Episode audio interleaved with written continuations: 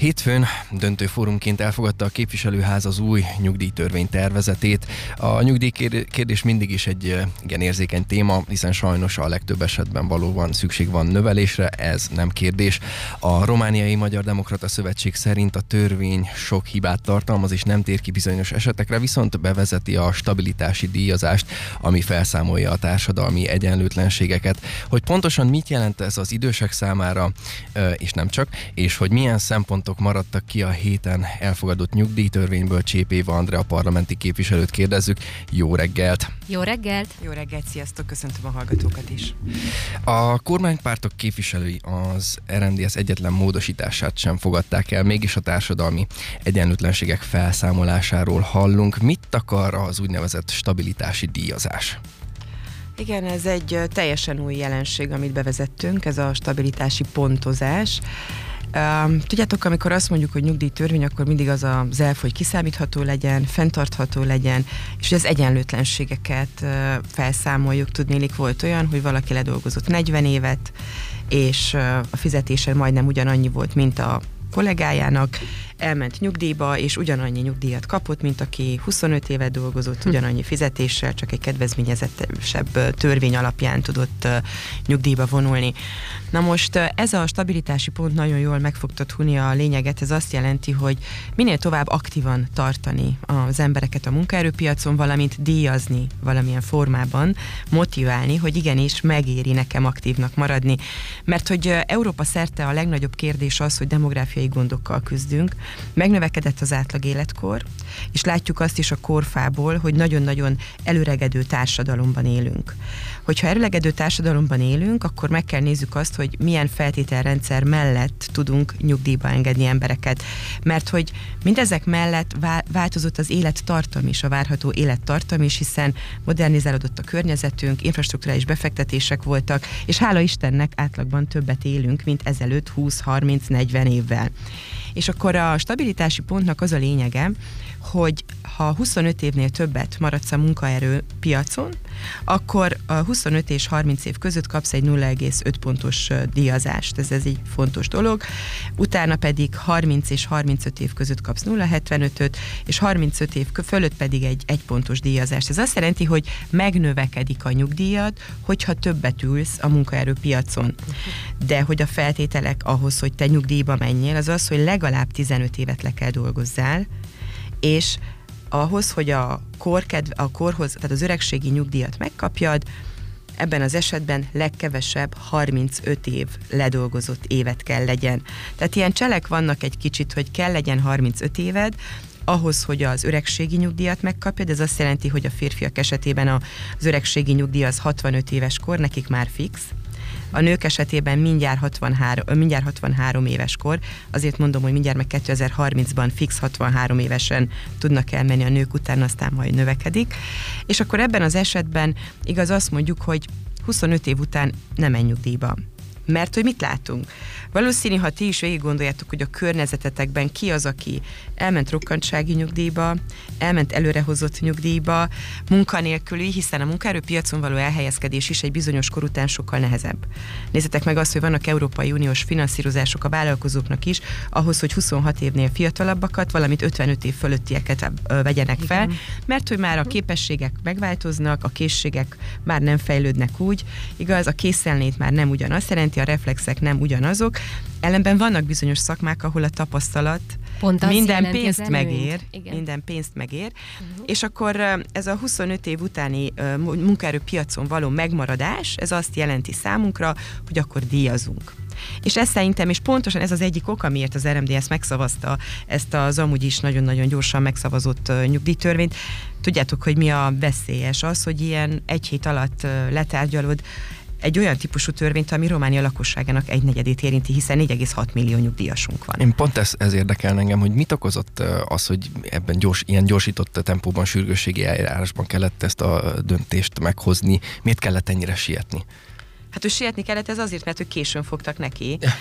Tehát, hogy a kormánynak teljesíteni kell bizonyos vállalásokat ahhoz, hogy a helyreállítási alapból, amit hallunk mindenhol, ez a pénéréré, ez a helyreállítási alapból még Románia ne essen el olyan típusú pénzektől, amelyek nagyon sokat számítanak, akár a helyi befektetések, infrastruktúra és hálózatok, szociális hálózatoknak a fejlesztésében is, de hogy hogy mivel jár, és milyen következményei vannak, mint minden olyan dolognak, amit egy-kettő elintézünk. Uh-huh. Tehát kimaradnak dolgok, figyelmetlenségből akár elírások következnek be, nincs végig tárgyalva, végig beszélve, rákérdezve, mert hogy mi, hogyha leülünk hárman már beszélni a nyugdíjtörvényből, ről és olvassuk a szöveget, lehet, hogy felmerülnek kérdések. Ezeket, ha egy szakember ott van és meg tudja válaszolni nekünk, akkor lehet, hogy akár jobbítani tudunk, vagy akár megértjük mi is, hogy mi van, és nem fogunk erőlködni egy olyan módosításon, amelynek már nincs ott helye és ez az fog bekövetkezni, hogy a kihirdetést követően toldozni, foldozni fogjuk uh-huh, ezt a nyugdíjtörvényt. Uh-huh. És akkor megint kiszámíthatóságról okozhat, tehát az egyik a másikat megvétózhatja, tehát az egyik törvényhozatal. És az alkalmazást Igen. is, tudod, Igen. mert hogy az alkalmazás szempontjából lehet, hogy elkerült a figyelmünket egy olyan kicsi apró részlet, amely egy, amely lehet, hogy száz embert fog érinteni de annak a száz embernek nagyon fontos a kiszámíthatóság.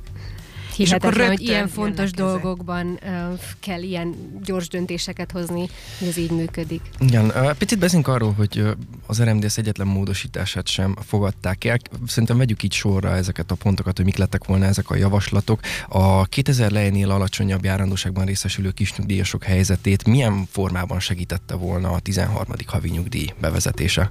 Igen, itt három tételről beszélünk, és főleg, főként azért uh, tartottuk nagyon fontosnak ezeket a módosításokat, és próbáltuk a kormánypártokat, a szociáldemokrata és a liberális pártbeli kollégákat is meggyőzni erről, hogy nem figyelünk oda a kis nyugdíjasokra. És a kis nyugdíjasok azok, akik egy ledolgozott élet után igazából megérdemlik azt a nyugdíjat. Most képzeljétek el, hogy valami másfél millió másfél millió uh, nyugdíjas van, aki 1500 lej alatti nyugdíjból él. Közelről ismerek ilyet. Igen, és hogy 1500 lejes nyugdíjból Sajnos. megélni mit jelent?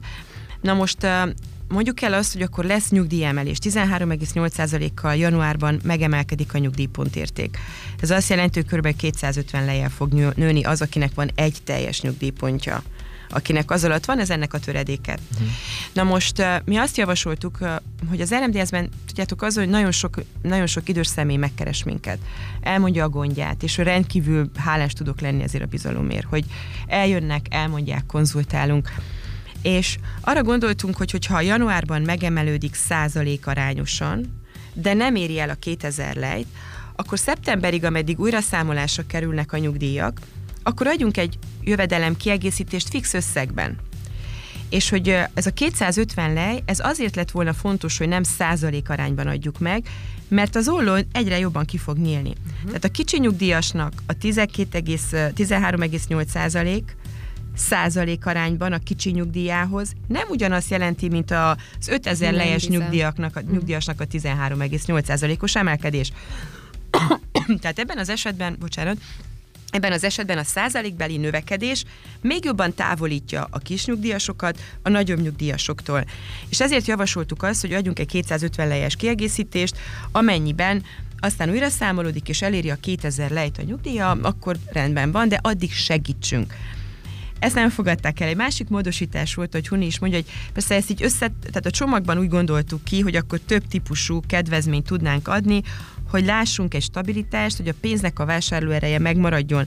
Mert én százalékban hiába növelem meg a kenyér mindenkinek, az 5000 lejes nyugdíjasnak is, és a 2000 lejes nyugdíjasnak is ugyanannyi. Nincs százalékbeli uh-huh. különbség, hogy neked Nincs. mennyi a nyugdíjat, te százalékban keveset De abból a boltból vásárolsz, ahol olcsóbb a kenyér. Igen. Tehát, hogy ez volt az egyik javaslat, ezt is elutasították. Be, javasoltuk a 13. nyugdíjat. Mert úgy gondoljuk, hogy akár egy évente egyszeri kiegészítés a 13. nyugdíjintézményének a bevezetésével sokat segítene, főleg, hogy azt mondtuk, hogy mindig évvégén kapják meg a, a kis nyugdíjasok, a 2000 lej alatti nyugdíjasok. Ez azért lett volna fontos, mert a téli költségek, az ünnepekkel járó költség, minden, látjuk azt, hogy a nyugdíjasok mindig spórolnak, mert amikor megjön a nyugdíj, mit csinálnak? És itt mosolygunk, mert tudjuk mindannyian az öregeinktől.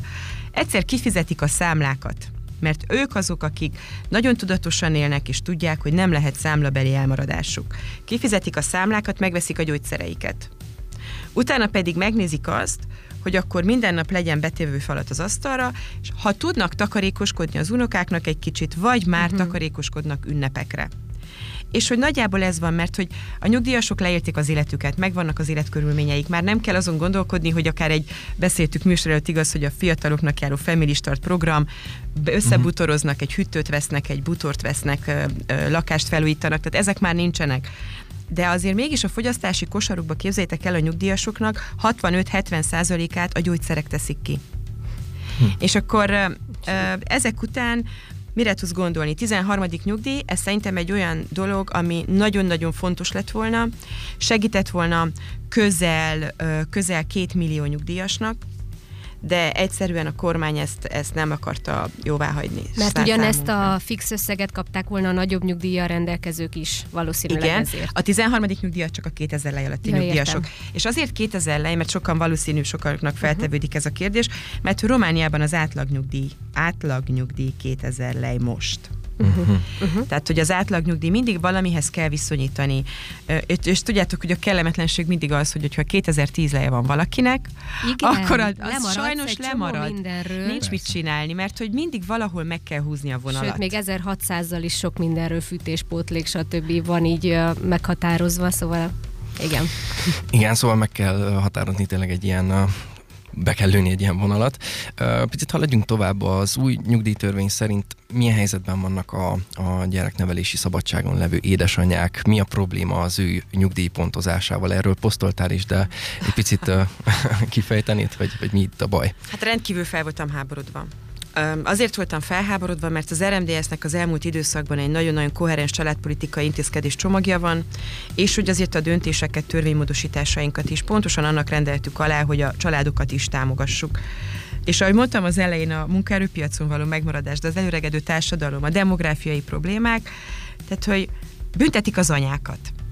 Tehát azt érjük meg, hogy Romániában, ahol az RMDS-nek a javaslatára létrehozzuk a családügyi minisztériumot, Megpróbálunk elindítani családtámogatási és tart programokat, mesterséges megtermékenyítési programokat állam által finanszírozva, utána pedig oda jutunk, hogy az az anya, aki Romániában gyereket vállal, és otthon marad gyereknevelési szabadságon, az büntetve van.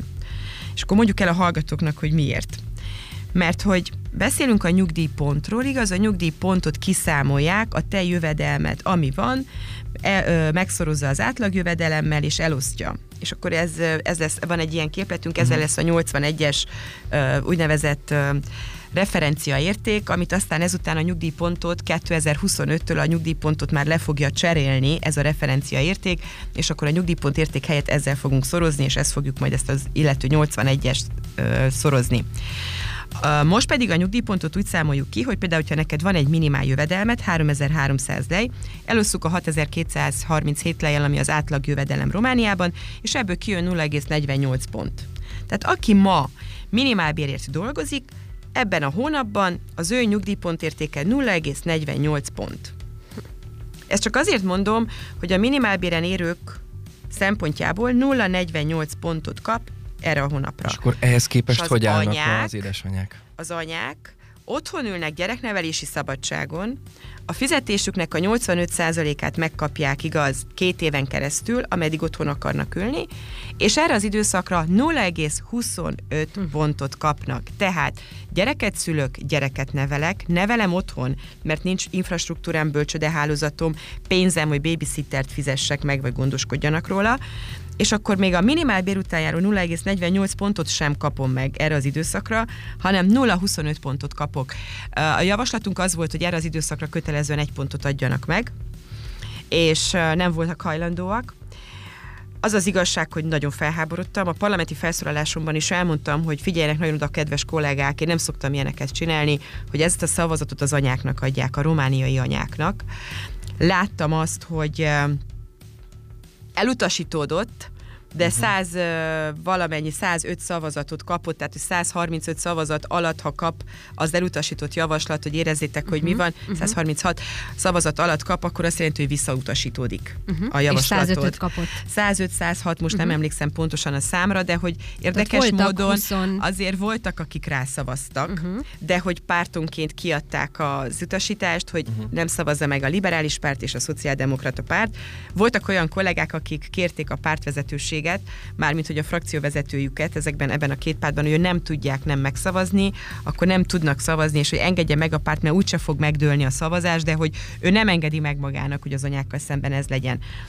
Azt gondolom, hogy eh, amikor hosszú távon tervezünk, és látjuk ezeket a demográfiai gondokat, akkor egy-két olyan intézkedést, amely tényleg segítségül jöhet, vagy biztonságot. A most szülő anyák későn fognak elmenni nyugdíjba, de jelzésértékű már az, hogy gondolunk rájuk, vagy azok, akik most készülnek nyugdíjba elmenni, és gyereket szültek, akkor azoknak igazából ebben az időszakban, az úgynevezett asszimilált időszak, tehát, hogy nem fizetek be társadalombiztosítást, ellenben én biztosítotti státuszban vagyok, pont uh-huh. úgy, mint a katonaság után jár ez a 0,25 pont, és az egyetemi évek alatt is jár, a mesteri évek alatt is, csak nem tehetődik egymásra. Tehát, ha én három évet voltam alapképzésen, az három év régiség nekem 0,25 pont erre az időszakra, minden uh-huh. hónapra, tehát az az átlagom.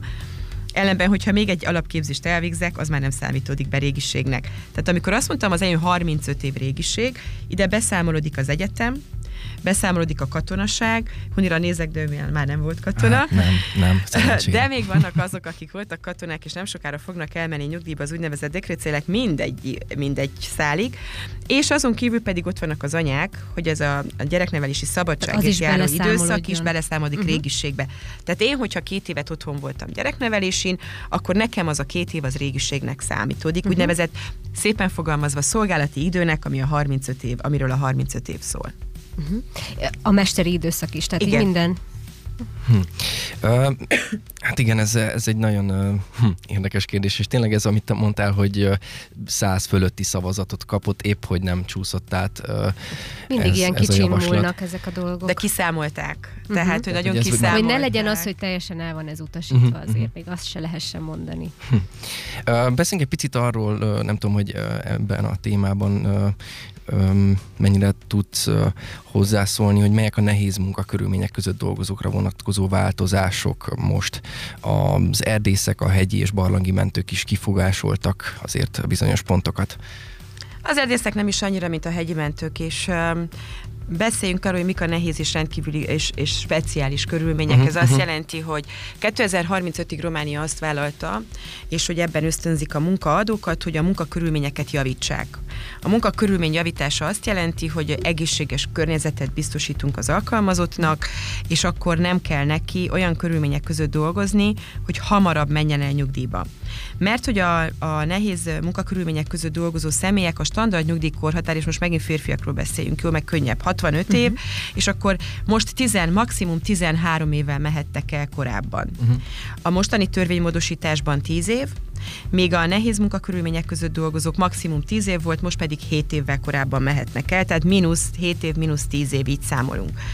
Na most vannak olyan munkakörülmények, amelyeket igen, a bányászok lendolgoznak a bányában, meg szerintem aki törvényhozó legalább egyszer és, munkatörvé, és munkatörvénykönyvvel, valamint nyugdíjjal dolgozik, egyszer le kell menjen a bányába, hogy nézze meg, hogy dolgoznak ezek az emberek. Addig törvényhozóként nem tudod vállalni a korrektséget akár egy ilyen típusú törvényben, engem teljesen meglepett, amikor lementem egy szénbányába. Mert az elegendő, hogy mi elmegyünk esetleg a sóbányába, és már ijesztő, és amikor bent ülünk órákon keresztül érzitek azt, hogy, hogy milyen érzésed. Igen, de ezek az emberek nem csak, hogy ott ülnek, hanem ezek a körülmények között dolgoznak is, és szénnel is akár foglalkoznak. De tehát, hogy nekik a nehéz munkakörülmény az, hogy az idejüknek több mint 50%-át ilyen körülmények között fejtik ki, ezek evidens, hogy csökkentik a várható élettartamot. Igen. Az előrehozott nyugdíjnak az intézménye azért volt bevezetve ilyen típusú körülmények miatt, mert miután te nyugdíjba mentél, Romániában átlagban képzeljétek el, 16 év körül élvezik a nyugdíjas éveket. Uh-huh. Tehát átlagot mondok. Azt jelenti, hogy van, aki többet, van, aki kevesebbet.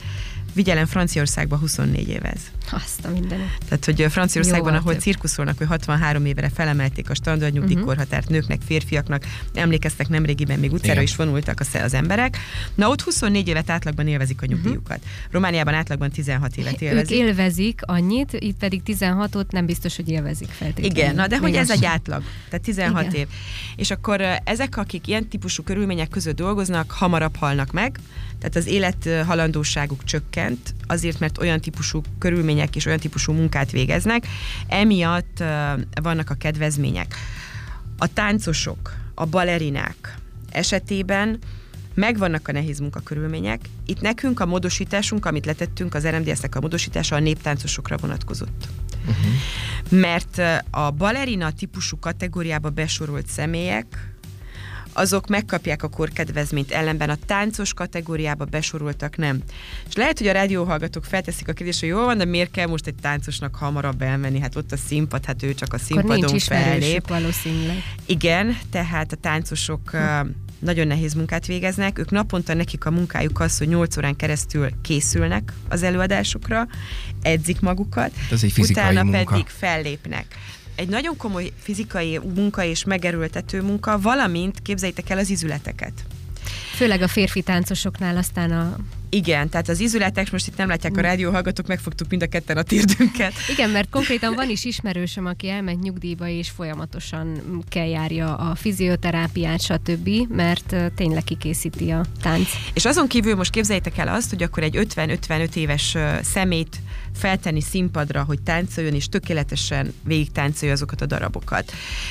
Mivel, hogy neked kötelező ott tartani a munkaerőpiacon, mert még nincs meg a nyugdíjkora, fel kell tegyed a színpadra játszani, fellépni, el kell várja tőle a tökéletes teljesítményt. Mert hát mi miért nem vagyunk táncosok? Azért, mert nem akarunk táncolni, és nem vagyunk ebben képesek. De nincs ebben képesítésünk, és nem ez volt a mi célunk, hogy mi most táncosok legyünk. Na, ezekben a körülményekben ők nem fogadták el, ezért mondtam, hogy látjátok, hogy toldani, fordani fogjuk még a törvényt, mert nem adjuk fel. Mert úgyis le mhm. fogom tenni megint a módosítást. De hogy például a táncosok. Egy másik kényes kérdés a barlangi hegyi mentők, barlangi és hegyi mentők. Velük konzultálva letettem a módosító javaslatunkat, ami értelmében nekik is speciális munkakörülmények közé legyenek, nehéz munkakörülmények közé legyenek besorolva, ami, a, ami több kedvezményt ad nyugdíjba vonulásnál.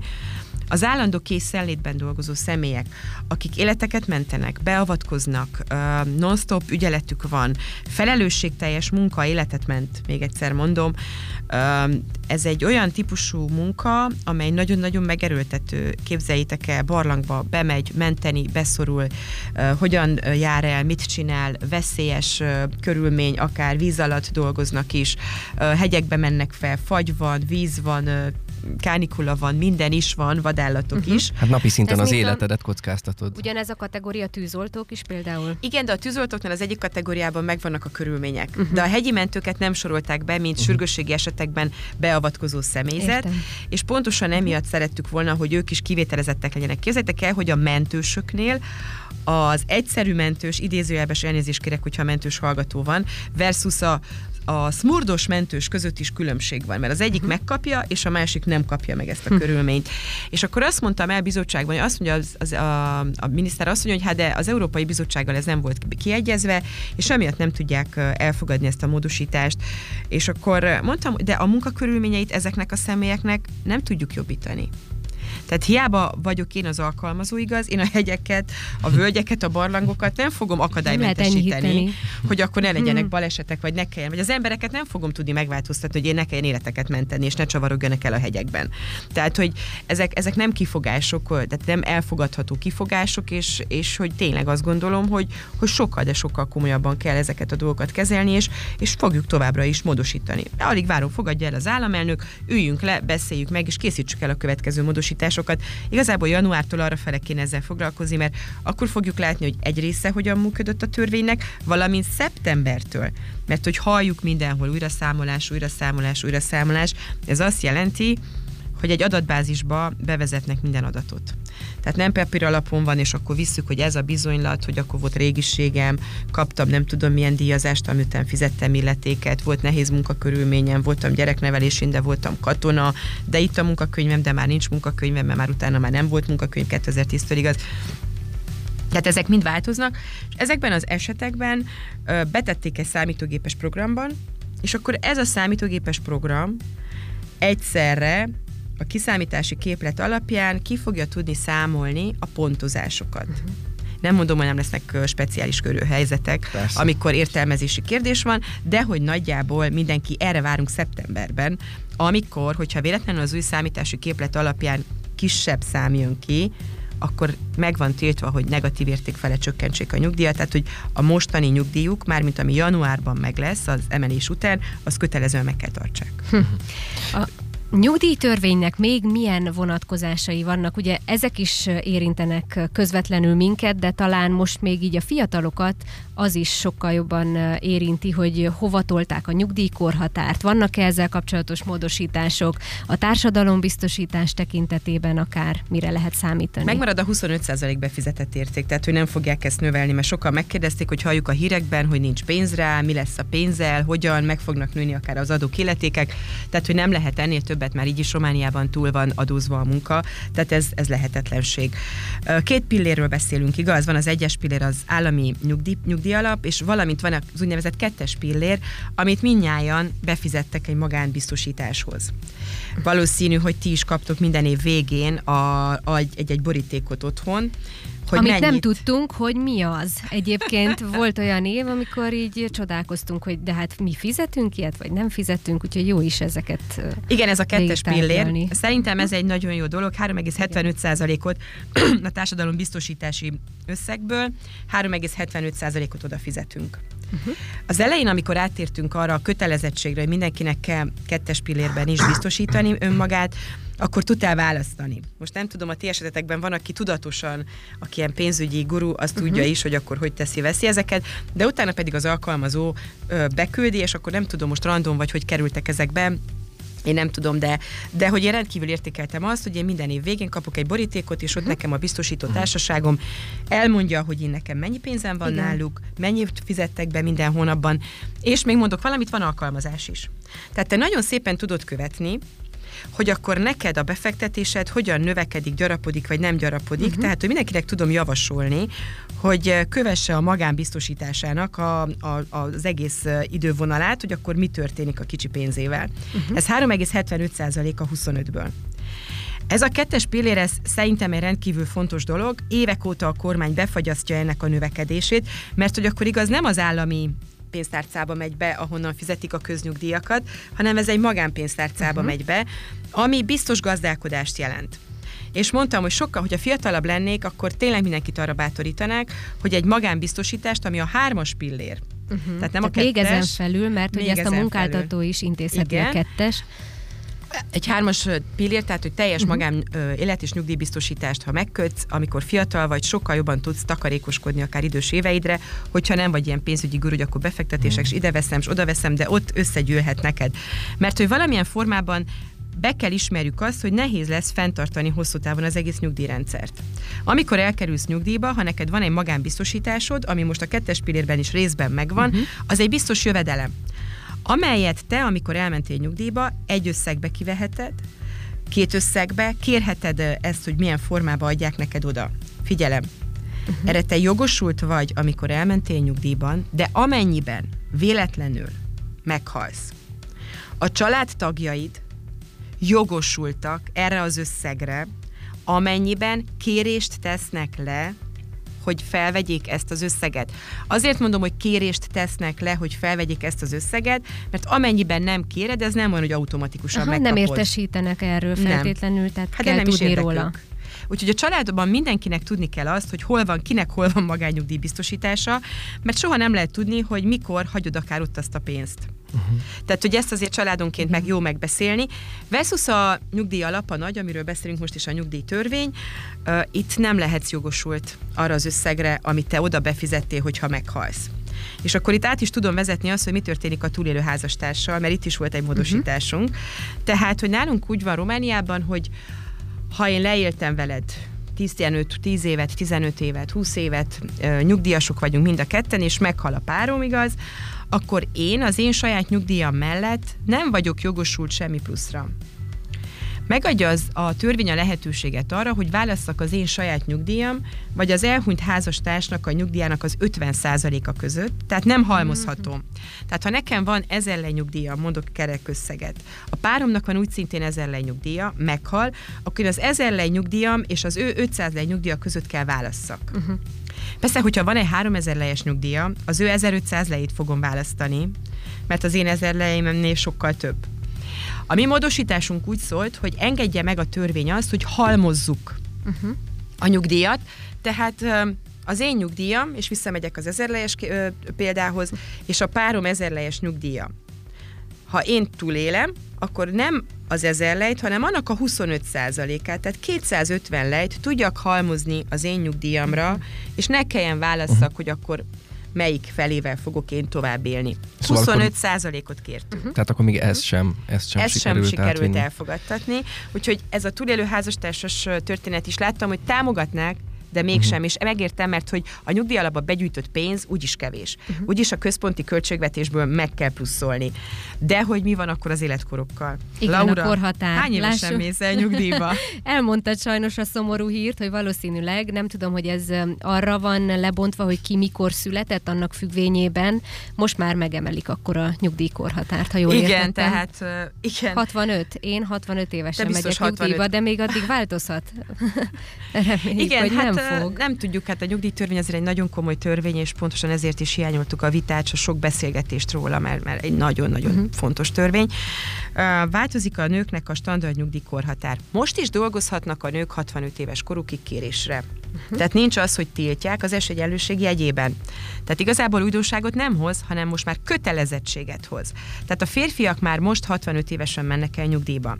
Jelenleg a nők esetében azok, akik 1967-ben születtek, január és februárban, azok 2030-ban mehetnek el nyugdíjba, még 63 évesen. Uh-huh.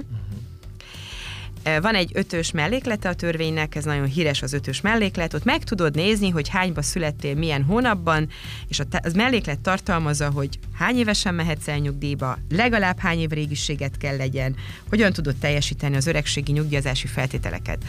Aki 1970-ben született, tehát 67-ről beszéltünk, aki 63 évesen, és nőkről csak, uh-huh aki 1970-ben született, és utána, rossz hírem van, 65 35. éves, 65 évesen uh-huh. megy el nőként, és igen, 35 2035 éves. Igen, 2035-ben már. Uh-huh. Most az, ami érdekes volt, hogy nézzétek meg, hogy 5 év alatt, tehát 2030 és 35 között feltolják a standard nyugdíjkorhatárt a nőknek uh-huh. 65 évre, míg a speciális nyugdíjasoknak amit annyit harcoltunk, hogy eltöröljék, 40 év alatt is alig egy pár évet fognak módosítani az ők standard nyugdíjkorhatáruknál. Ez borzasztó. Tehát, hogy ez borzasztó dolog. Ellenben a nőknél az van, hogy, hogy tényleg nem magunkból induljunk ki, amikor törvényt hozunk, hanem összlakosságot kell nézzünk.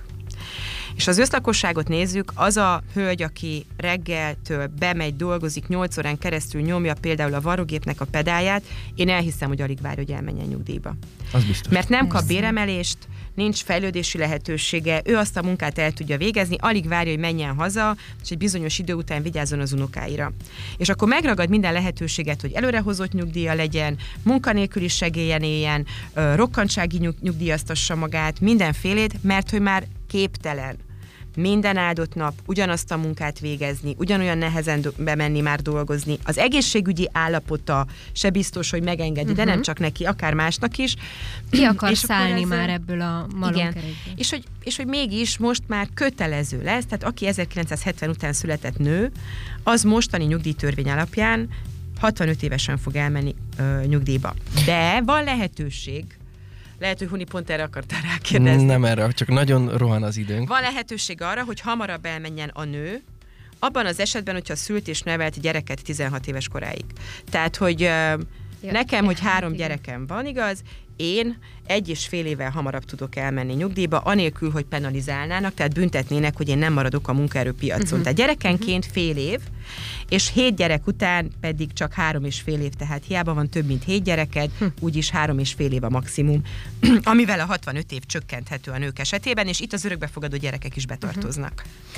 Egy dolgot még biztos nem érintettünk, és csak nagyon kevés időnk van tényleg két mondatban, hogy jelen pillanatban mit tudhatunk az új törvény életbe léptetéséhez szükséges költségvetési erőforrásokról, mert erről még nem esett szó. Ugye a kormány feladata ezt előteremteni, forrásokat. Vannak itt optimista és kevésbé optimista hangok is. Mit tudhatunk erről? Én is pont, pont ezt a kérdést tettem fel, Huni. Mi is az RMD, pont ezt a kérdést tettük fel a minisztériumnak, a miniszternek is, és pontosan olyan fenntartásaink vannak, mint neked. Tehát amit hallunk, uh-huh. és amit látunk, e között nagy különbség van. Az Európai Bizottság kérése volt, igaz? Vele alkuttak, vele beszélték végig azt, hogy akkor milyen típusú megszorítások lesznek, milyen típusú módosítások lesznek ebben a törvényben, és hogy hogyan fogják előteremteni ehhez az anyagi, anyagi keretet. Nekem felelős politikusnak a következő a dolgom. Amennyiben az elém került törvénytervezet véleményezésében azt mondja a pénzügyminisztérium, hogy rendben van, én nem vagyok pénzügyi szakértő, te sem vagy, és nem kell neked annak lenni. Hanem azt mondja a szaktárca, hogy igenis megvan rá a keret, ez egy dolog, de kettő. Azon kívül azt tudom megnézni, hogy amikor bekerül az következő évi költségvetés tervezet a parlament asztalára, amit reményünk, hogy idén is meg lesz decemberben, akkor nekem oda kell figyelni arra, hogy ezek a tételsorok hol köszönnek vissza a törvényben. Van elég pénz, oda van etéve minden, amire szükségünk van a tervezet szerint a 13,8%-os emelés, és utána vajon mi lesz? Uh-huh. Szeptemberben a kiszámítások, és nézzétek meg a tegnap kormányülésen is, a kormány döntés hozott arról, hogy megint megpluszolják a nyugdíj alapot, tudnélik a nyugdíjak kifizetésére már a, az munkaügyi minisztérium plusz pénzeket kért a kormánytól, a kormány rendelkezésére álló tartalék alapból. Mert hogy mindig ezt a kicsi zsebet, ahova hm. bemegy a mi 25 unk azt a nagy állami központi költségvetés ki kell egészítse, mert nem elegendő az a pénz, amit mi befizetünk már most, mi, akik dolgozunk és adókat fizetünk, hogy fenntartsuk az öregjeinknek a nyugdíját. Ezért kell a központi költségvetésből elvenni pénzt, betenni a másik pénztárcába. Várjuk a további fejleményeket. Köszönjük Csépéva Andrea parlamenti képviselőnek, hogy itt járt nálunk a stúdióban, és mesélt egy picit jobban átlátjuk, talán jobban értjük, hogy mi is történt most a héten. És ne adjátok fel a módosításokat. Most már, ha csak ez az egyesé van, akkor ezt kell végigcsinálni. Kitartást, kitartást a további munkához. Köszi, hogy itt voltál.